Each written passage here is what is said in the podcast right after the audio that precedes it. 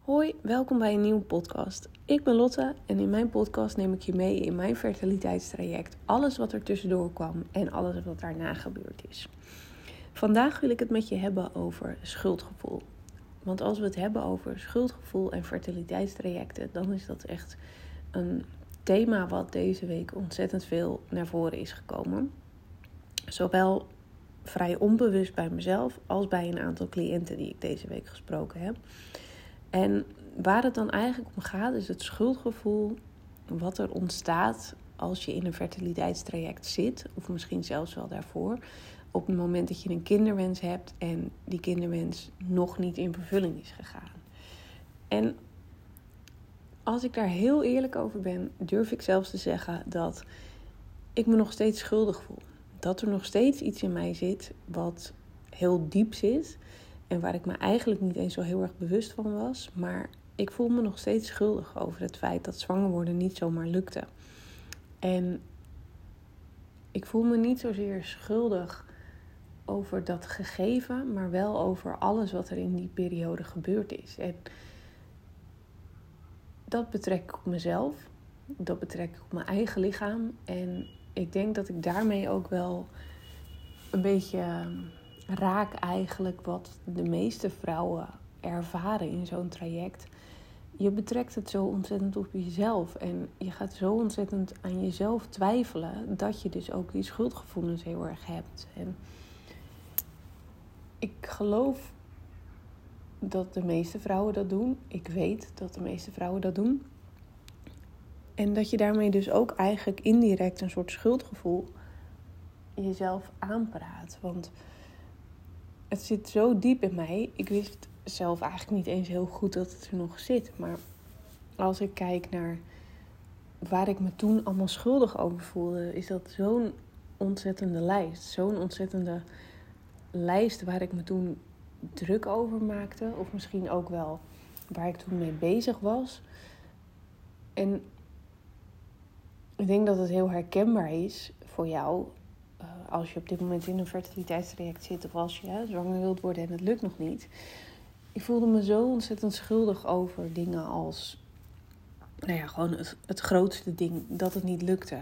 Ehm, ik voelde mezelf minder waardig. Ik voelde dat ik niet goed genoeg was.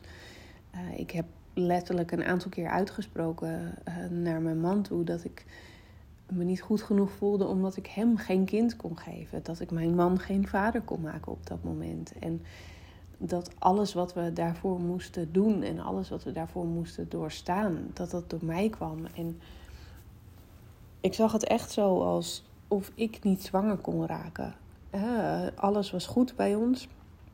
Als je daar meer over wilt weten, dan is het handig als je mijn eerste podcast eventjes beluistert over ons hele uh, fertiliteitstraject. Um, maar wij kregen dus geen diagnose. Ik, maar ik raakte ook niet zwanger. En het, moet wel, moest in mijn lichaam gebeuren. En dat dat niet gebeurde, daar voelde ik me zo ontzettend schuldig over. En ja, ik heb daardoor ook heel vaak gedacht dat ik iets niet goed deed. En dat het allemaal bij mij lag. En uiteindelijk bleek natuurlijk ook wel dat er nog dingen waren die ik beter kon doen. En dat ik het anders kon doen. Um, maar het feit dat ik me zo schuldig voelde over mijn eigen lichaam en over mijn, mezelf, maakte het niet makkelijker toen. En juist dat maakte het ook weer zwaarder. Want af en toe werd ik gek van mezelf. Af en toe werd ik zo dol van het feit dat ik weer aan het googelen was. Dat ik weer alles aan het opzoeken was. Dat ik weer ieder steekje, krampje, eh, wat dan ook aan het opzoeken was. Dat ik overal waarheid aan hechtte. Dat ik alle tips die ik tegenkwam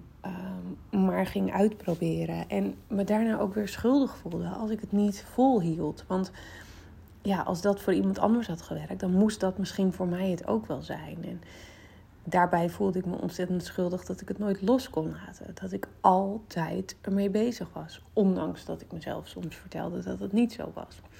En ik denk ook dat ik me of ik denk, ik weet eigenlijk heel erg goed dat ik me toen ook heel erg schuldig voelde over de druk die het op onze relatie gaf. Hè? Wij zeiden tegen elkaar: nee, wij worden niet zo'n stel die dat zo gaan doen. En wij gaan het allemaal heel relaxed aanpakken en we zien het allemaal wel. Maar vanaf het moment dat die eerste menstruatie na het stoppen met anticonceptie doorbreekt of doorbrak, kon ik het niet loslaten en kon ik niet meer relaxed zijn. Want ik wilde dat het op dat moment ging gebeuren. En dus brak ik naar mijn idee toen ook al een soort belofte naar mijn man toe. Dat we gewoon, ja, we gingen ergens voor en we zouden dat samen doen. Maar het werd echt gewoon veel meer mijn ding en mijn obsessie eigenlijk. En als ik daar nu naartoe terugkijk, dan, dan zie ik ook echt wel dat ik me daar heel schuldig over voelde en dat daar heel veel in zit. En dat ik me daar onbewust ook heel erg druk om gemaakt heb. Maar ik kon daar op dat moment niet bij of zo. Er was zoveel wat er gebeurde en zoveel wat er speelde dat ik daar niet ja, heel bewust bij kon. Ehm, en het schuldgevoel is denk ik ook wel een maatschappelijk iets. Binnen de maatschappij is het bijvoorbeeld ook heel erg ja, gebruikelijk om maar te doen alsof een zwangerschap zomaar uit de lucht komt vallen. Hè? En als dat niet zo is, ehm, dan wordt het over het algemeen best wel gebagatelliseerd, vind ik.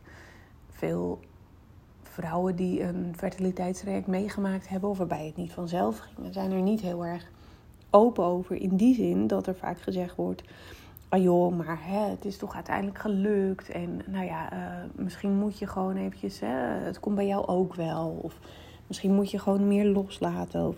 Het wordt heel snel overheen gegaan over die gevoelens. En daardoor denk ik dat het schuldgevoel nog groter wordt eigenlijk. Want andere mensen in je omgeving doen alsof het allemaal maar niks is. En jij wilt dat ook doen, want je wilt sterk blijven en je wilt ook niet, nou ja, je masker in, of althans, ik wilde niet mijn masker afzetten op dat moment. Maar dat het me zo ontzettend diep raakte en dat het me nog steeds heel erg diep raakt, dat heb ik me eigenlijk nooit zo gerealiseerd.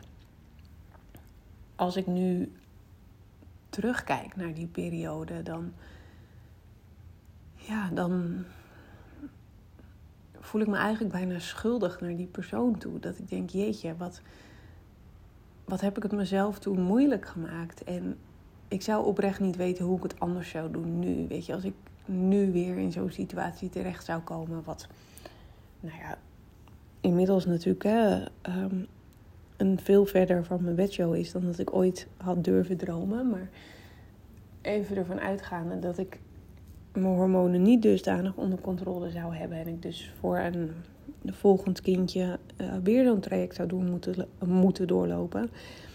Denk ik dat het ja heel anders zou zijn. Maar denk ik dat ik me nog steeds heel schuldig zou voelen. Want er wordt zo'n focus gelegd op de vrouw en het vrouwelijk lichaam. En als je daarmee niet functioneert of het niet doet, dan, ja, dan, dan zit er zo ontzettend veel onder. En ik kan er niet helemaal een vinger op leggen wat het dan precies is. Maar het is veel. Het is heel veel. En het is een, een steen op je maag. Een, een, ja, een, een zware last die op je schouders drukt eigenlijk. En als ik daar nu aan terugdenk, dan, dan kan ik me nog steeds wel schuldig voelen over de dingen die er toen gebeurd zijn. En als ik mezelf dan afvraag waar ik me nu zo schuldig over kan voelen, dan dan is dat vooral, denk ik, dat ik toen zo hard heb moeten vechten. En dat ik mijn lichaam zo lang vervloekt heb eigenlijk. Dat ik mijn lichaam zo lang niet gerespecteerd heb en niet, niet blij was eigenlijk. En waar ik me ook wel schuldig over voel, is dat ik het zo op mezelf betrokken heb. En dat ik zo weinig daarover gedeeld heb eigenlijk met mijn man. Dat ik hem niet echt heb laten zien wat er allemaal in mijn hoofd speelde en wat er allemaal gebeurde eigenlijk. En ja, dat ik daarmee mezelf zo lang en zoveel stress heb gegeven. En dat ik ja, daarmee dus ook mijn lichaam gewoon een verkeerd, heel verkeerd signaal heb gegeven. En ja, als ik nog verder denk, denk ik dat het ook nog wel een soort schuldgevoel is richting mijn kind. Dat het geen mooi verhaal is. Weet je, dat ik ze nooit ehm, het verhaal zal kunnen vertellen zoals het in de films gaat. Hè? Dat heel graag een kindje wilden en dat het daar zomaar was. En dat het allemaal uit liefde ontstaan is. En natuurlijk is, zijn onze beide kinderen uit heel veel liefde ontstaan. En hebben we ontzettend hard gevochten voor onze dochter. En maakt dat het misschien nog wel duidelijker hoe gewenst ze was. Maar het hele beeld daarvan is zo anders. En misschien heeft dat niks te maken met mijn eigen schuldgevoel of misschien wel jouw schuldgevoel. Ehm, maar ik denk dat daar wel een, een, een kern in zit. Want doordat we niet van tevoren weten eigenlijk wat er allemaal staat te gebeuren, kan uh, gebeuren. En doordat de hele maatschappij erop ingericht is dat je maar kinderen kan krijgen of dat je maar kinderen krijgt als stel zijnde, maak je dusdanig zwaar beladen al op het moment dat het niet lukt, dat het echt, ja, echt heel veel schuldgevoel met zich meebrengt. En ik heb daar al vaker ook een blog over geschreven. Of vaker, ik heb daar een, een, lange blog over geschreven, ook die ik op uh, Mama Plaats gepubliceerd heb. Voor mij is echt het ultieme voorbeeld daarvan de filmindustrie. Ik bedoel, er is geen serie of film waarin een zwangerschap niet heel makkelijk ontstaat. Ja, soms is het wel zo dat een zwangerschap uh, langer duurt of dat je niet zomaar zwanger raakt als, uh, als actrice zijnde. Maar dan gebeurt het toch dat ze net een keertje vreemd gaat met de buurman. Of dat ze een keertje een dronken avond hebben en dat ze zomaar ineens zwanger zijn. En terwijl ik dit zeg, denk ik, ja, in mijn all-time favorite serie, Sex in the City, um, twittert natuurlijk wel een stuk. Of ik zeg natuurlijk, ik weet helemaal niet of jij een Sex in the City kijker bent. Maar stel je bent geen Sex in the City kijker. Um, in de serie Sex in the City gaat het over vier vrouwen in New York die een um, nou ja, best wel jet set leven leiden. Heel erg gossipachtig. Maar daarin zit er één actrice die geen kinderen kan krijgen. En op een bepaald moment gaan zij adopteren. En zijn ze hartstikke gelukkig. En dan is er, um, volgens mij is het zelfs in de film na de serie, is er een moment. Uh, ja, Zo'n zo'n dusdanige fan ben ik dus dat ik nog net niet exact weet in welke, welke aflevering uh, het zich afspeelt. Maar volgens mij is het inmiddels in de film dat ze dan um, ineens zwanger blijkt te zijn. En dat ze daarin ook nog toevoegen eigenlijk van ja, op het moment dat ik het loslaat, uh, hè, dat zegt de gynaecologe, op het moment dat ik het loslaat, lukt het toch en dat zien ze wel vaker bij stellen. En dat is weer zo'n voorbeeld van dat de hele maatschappij je maar doet geloven dat het, dat het zo hoort of zo en dat het zo gaat. Want hoeveel vrouwen zijn er wel niet die zich hierdoor ontzettend schuldig voelen? Want ik had niks liever gewild dan het op dat moment los te laten en dan zwanger te raken. Maar dat, zo werkt het gewoon niet. En dat, dat is gewoon niet wat er gebeurt in je lichaam en in je hoofd. En de hele wereld eromheen laat gewoon te makkelijk zien eigenlijk. Nou ja, laat eigenlijk gewoon zien dat het zo makkelijk zou moeten zijn. Terwijl het kinderen krijgen of het, het zwanger raken helemaal niet makkelijk is. En dat je je daar ook helemaal niet schuldig over hoeft voelen. Maar toch doen we het. En zelfs ik, uh, ik praat inmiddels natuurlijk best wel makkelijk over ons verhaal en alles wat we meegemaakt hebben. Maar zelfs ik heb dus vele diepe onderliggende gevoelens nog ten aanzien van dit hele traject. En die delen of daar open over zijn, dat is ook voor mij nog steeds een drempel. Omdat er gewoon zo'n één schuldgevoel uh, ophang, op zit, maar ook ontzettend veel schaamte, denk ik. Omdat we allemaal maar denken dat het erbij hoort. En als je het niet doet of als het niet lukt, dat je niet goed genoeg bent. En van de week kreeg ik ook een berichtje van een dame die bij mij een één op één traject doorlopen heeft. En um, ik vroeg haar, hoe gaat het met je? En toen zei ze, ja, het gaat goed, ik voel me goed. Uh, ik ben alleen niet zwanger op dit moment. En dus doe ik waarschijnlijk nog iets niet goed.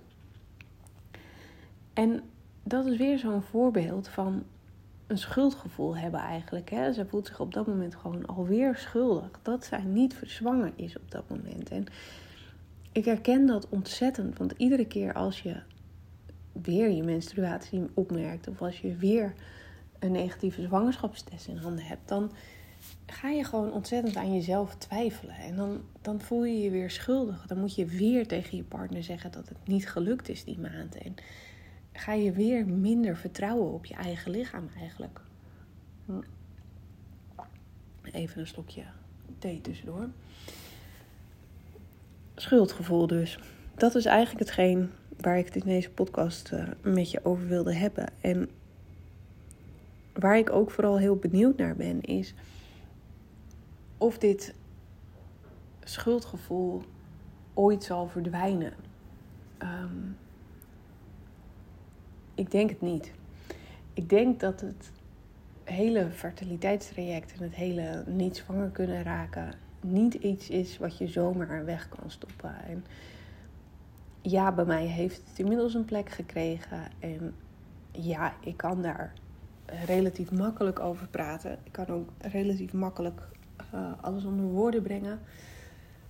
Maar ook bij mij zitten er nog steeds dingen die ik, nou ja, nog steeds niet helemaal verwerkt heb of me nog steeds niet helemaal in kan vinden. En dat is ook wel een van de redenen dat ik me zo hard wil maken voor dit hele taboe eigenlijk wat er om me heen hangt. Want volgens de officiële cijfers is het 1 op de 6 stellen die moeilijkheden ervaart rondom zwanger worden. Maar als ik in mijn praktijk kijk en als ik in mijn omgeving kijk, dan zijn het eigenlijk zoveel meer vrouwen die er moeite mee hebben. Er zijn eigenlijk maar heel weinig stellen die moeiteloos zwanger raken. En sommige stellen zien het echt als moeiteloos. Hè? Uh, ik ken in mijn omgeving ook een stel wat er drie jaar over gedaan heeft om zwanger te worden. Maar zij zien dat zelf niet zo. Zij zijn echt gewoon, hè, zij zien zelf van, nou ja, eh, zij wilden ook nooit in de ziekenhuistraject gaan. Ehm, zij dachten echt oprecht, als het komt, komt het. En als het niet komt, zijn we ook oké. Dus zij zien het niet alsof zij drie jaar bezig zijn geweest. Maar dat zijn ze natuurlijk in theorie wel. Of in theorie, ook in de praktijk zijn ze dat. Dus het ligt heel erg ook aan je eigen uh, gevoel daarin. En de meeste vrouwen die dusdanig de kinderwens hebben of de zwangerschapswens, die zullen het niet zo los kunnen laten. En die voelen zich echt wel schuldig daarover. En nou ja, het onderwerp wat ik net ook al aansneed, richting je partner, is gewoon echt een heel gevoelig ding. Ehm, ik zie mezelf echt nog zitten. Dat ik zei, ja weet je, anders moet je misschien maar iemand anders gaan vinden die je wel een kind kan geven. En dat, dat wij daar uiteindelijk bijna ruzie over kregen. Omdat uh, mijn man dat echt ontzettend onnodig vond dat ik dat zei. En toch voelde dat zo. Toch voelde ik gewoon alsof ik niet goed genoeg was. En alsof het mijn schuld was dat hij geen vader kon zijn. En dat hij het dan maar bij iemand anders moest gaan halen, omdat ik hem dat niet zou kunnen geven. En ja, ik wilde bijna zeggen, ik ben me er ontzettend bewust van dat het bij ons maar twee jaar geduurd heeft. Ehm, maar liever slik ik eigenlijk die opmerking nog in. Want ja, ik geloof heel erg dat als het acht jaar duurt, dat het nog intenser is. En dat het, hè, uh, dan maak je de, de keren dat niet lukt vaker mee natuurlijk dan dat het twee jaar duurt. Maar als die wens er is en als je die wens in vervulling wilt laten gaan en het lukt niet, dan denk ik dat alle emoties gelijk zijn daarin. En nogmaals, de intensiteit wordt natuurlijk veel heftiger en veel zwaarder op het moment dat het langer duurt.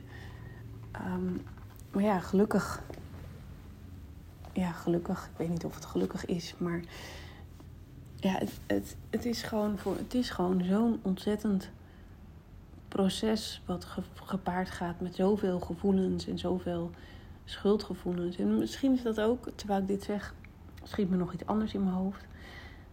Misschien willen we ook wel een schuldige hebben. Misschien is dat ook wel waar we naar op zoek gaan. Hè? Uh, in ons geval was er natuurlijk geen diagnose. Uh, had ik voor mijn gevoel heel graag een diagnose willen hebben.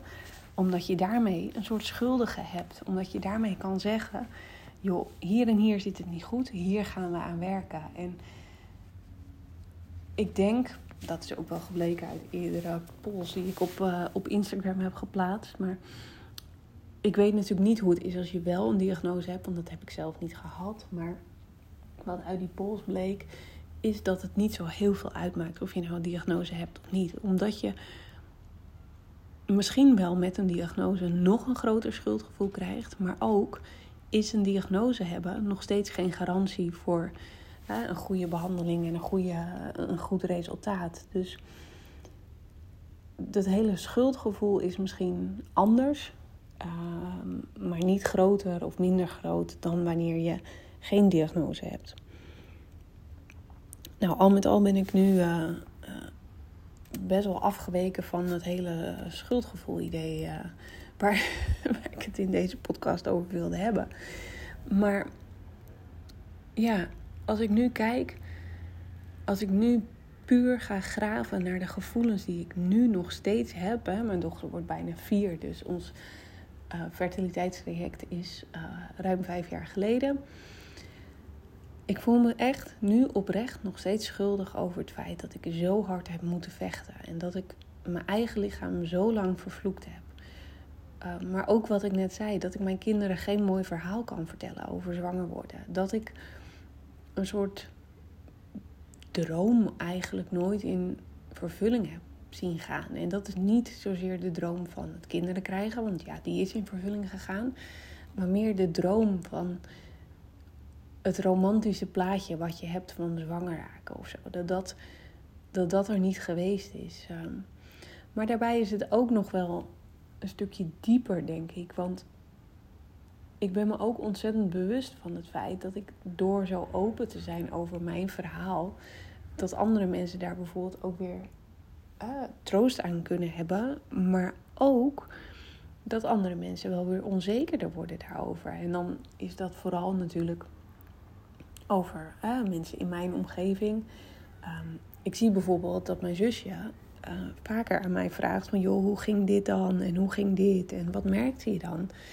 Dat zij misschien zelfs wel onzekerder wordt over het in vervulling laten gaan van haar toekomstige wens.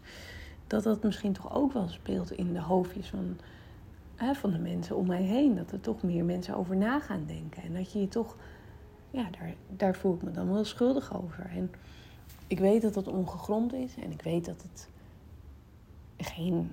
Ja, weet je, het feit dat het bij mij niet makkelijk ging, wil niet zeggen dat het bij mijn zusje niet makkelijk gaat. Maar toch, toch is dat wel iets waarvan ik denk, ja, dat, dat doe ik dus wel. Hè? Geef ik haar wel mee. En als we daar nog even verder over mogen of kunnen hebben, denk ik dat ik me ook nog steeds schuldig voel over dat ik het zo ontzettend op mezelf betrokken heb. En dat ik zo het hele zwanger worden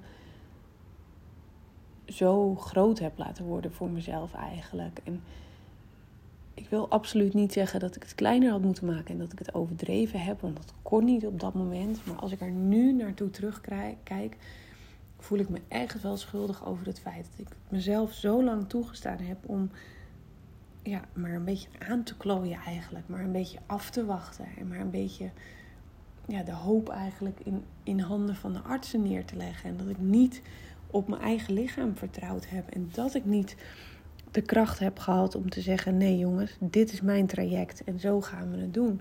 Ik heb me gewoon te lang afwachtend opgesteld.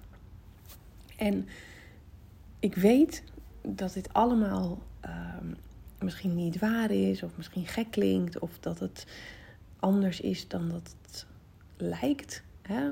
Het is mijn perceptie daarvan.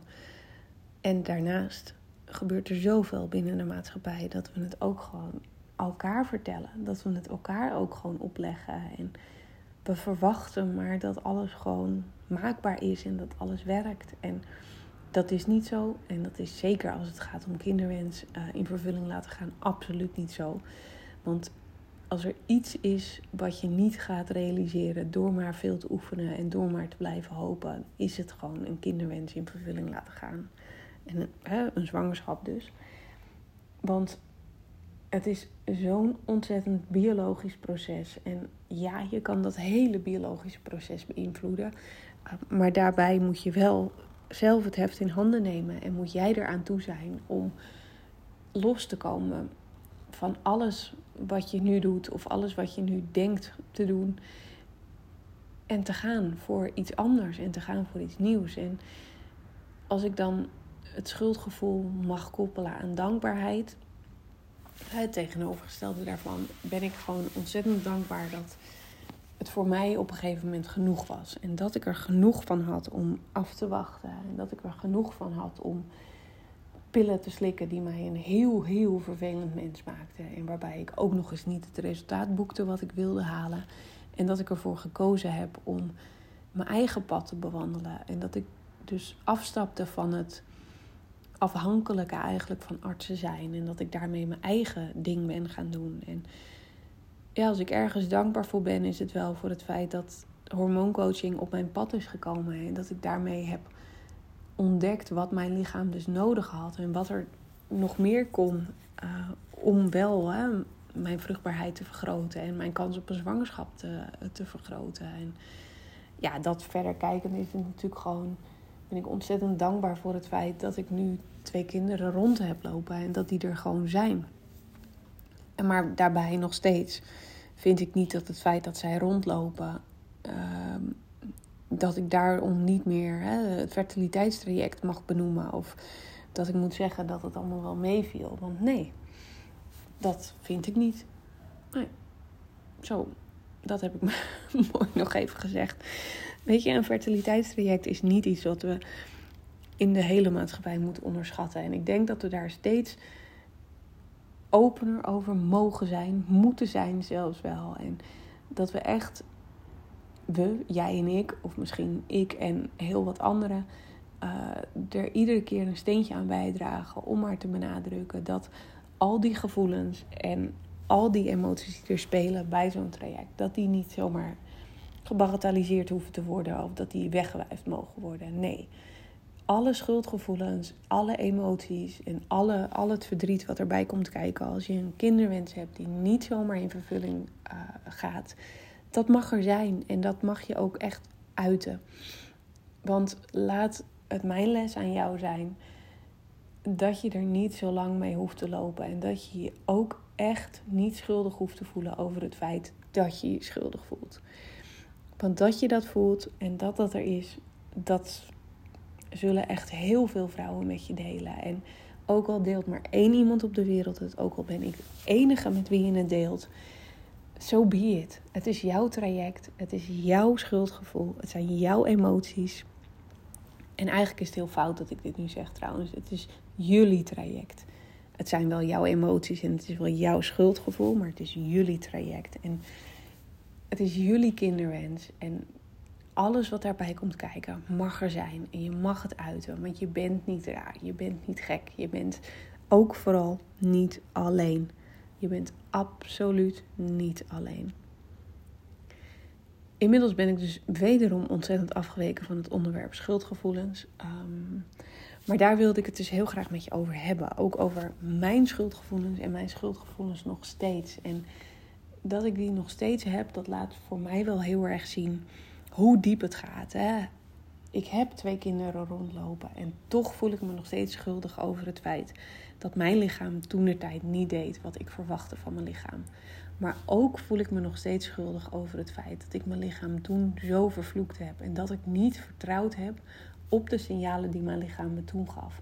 Dat ik het eigenlijk allemaal een beetje weggewijfd heb en dat ik het weg probeerde te vegen met een medisch traject. En dat ik daarmee gewoon niet luisterde naar wat mijn lichaam bedoelde, maar de symptomen eigenlijk wilde bestrijden. En ik hoop, al is het maar een klein beetje, dat ik je door middel van mijn podcast of door middel van mijn Instagram pagina of mijn blogs of Mama Plaats, je daar wel een beetje mee kan helpen. En laten we het taboe doorbreken. Laten we ervoor zorgen dat de gevoelens en de schuldgevoelens die erbij komen kijken wel besproken worden. En dat we daar eh, met z'n allen steeds beter klimaat voor kunnen regelen. Zodat uh, onze kinderen, mochten die in de toekomst ehm, tegen een fertiliteitsprobleem aanlopen, dat het voor hen bespreekbaarder is. En dat het ja, duidelijker wordt in de wereld dat het allemaal niet zo maakbaar is. En dat je niet zomaar kinderen krijgt. En dat dat hele zware biologische proces niet zomaar uit de lucht komt vallen. Want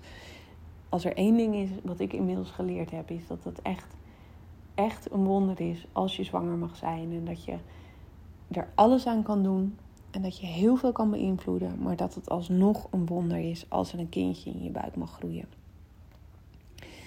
Daarmee wil ik eigenlijk deze podcast eindigen. En ehm, wat ik wel nog even tegen je wil zeggen, is dat deze podcast volledig uit mijn tenen komt.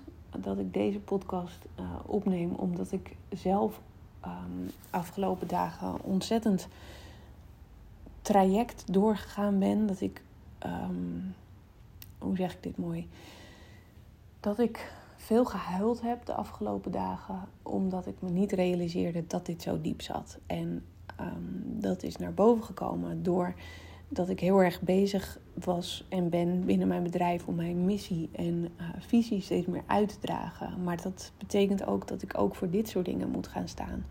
Dat ik ook mijn eigen gevoel echt toe moet laten en niet alleen um, mijn traject moet vertellen. Want inmiddels kan ik dat makkelijk vertellen, maar dat ik ook dit soort moeilijke momenten aan moet gaan. En ik heb deze podcast dus ook niet voorbereid. Ik ben gaan zitten met een kopje thee en ik ben gaan praten.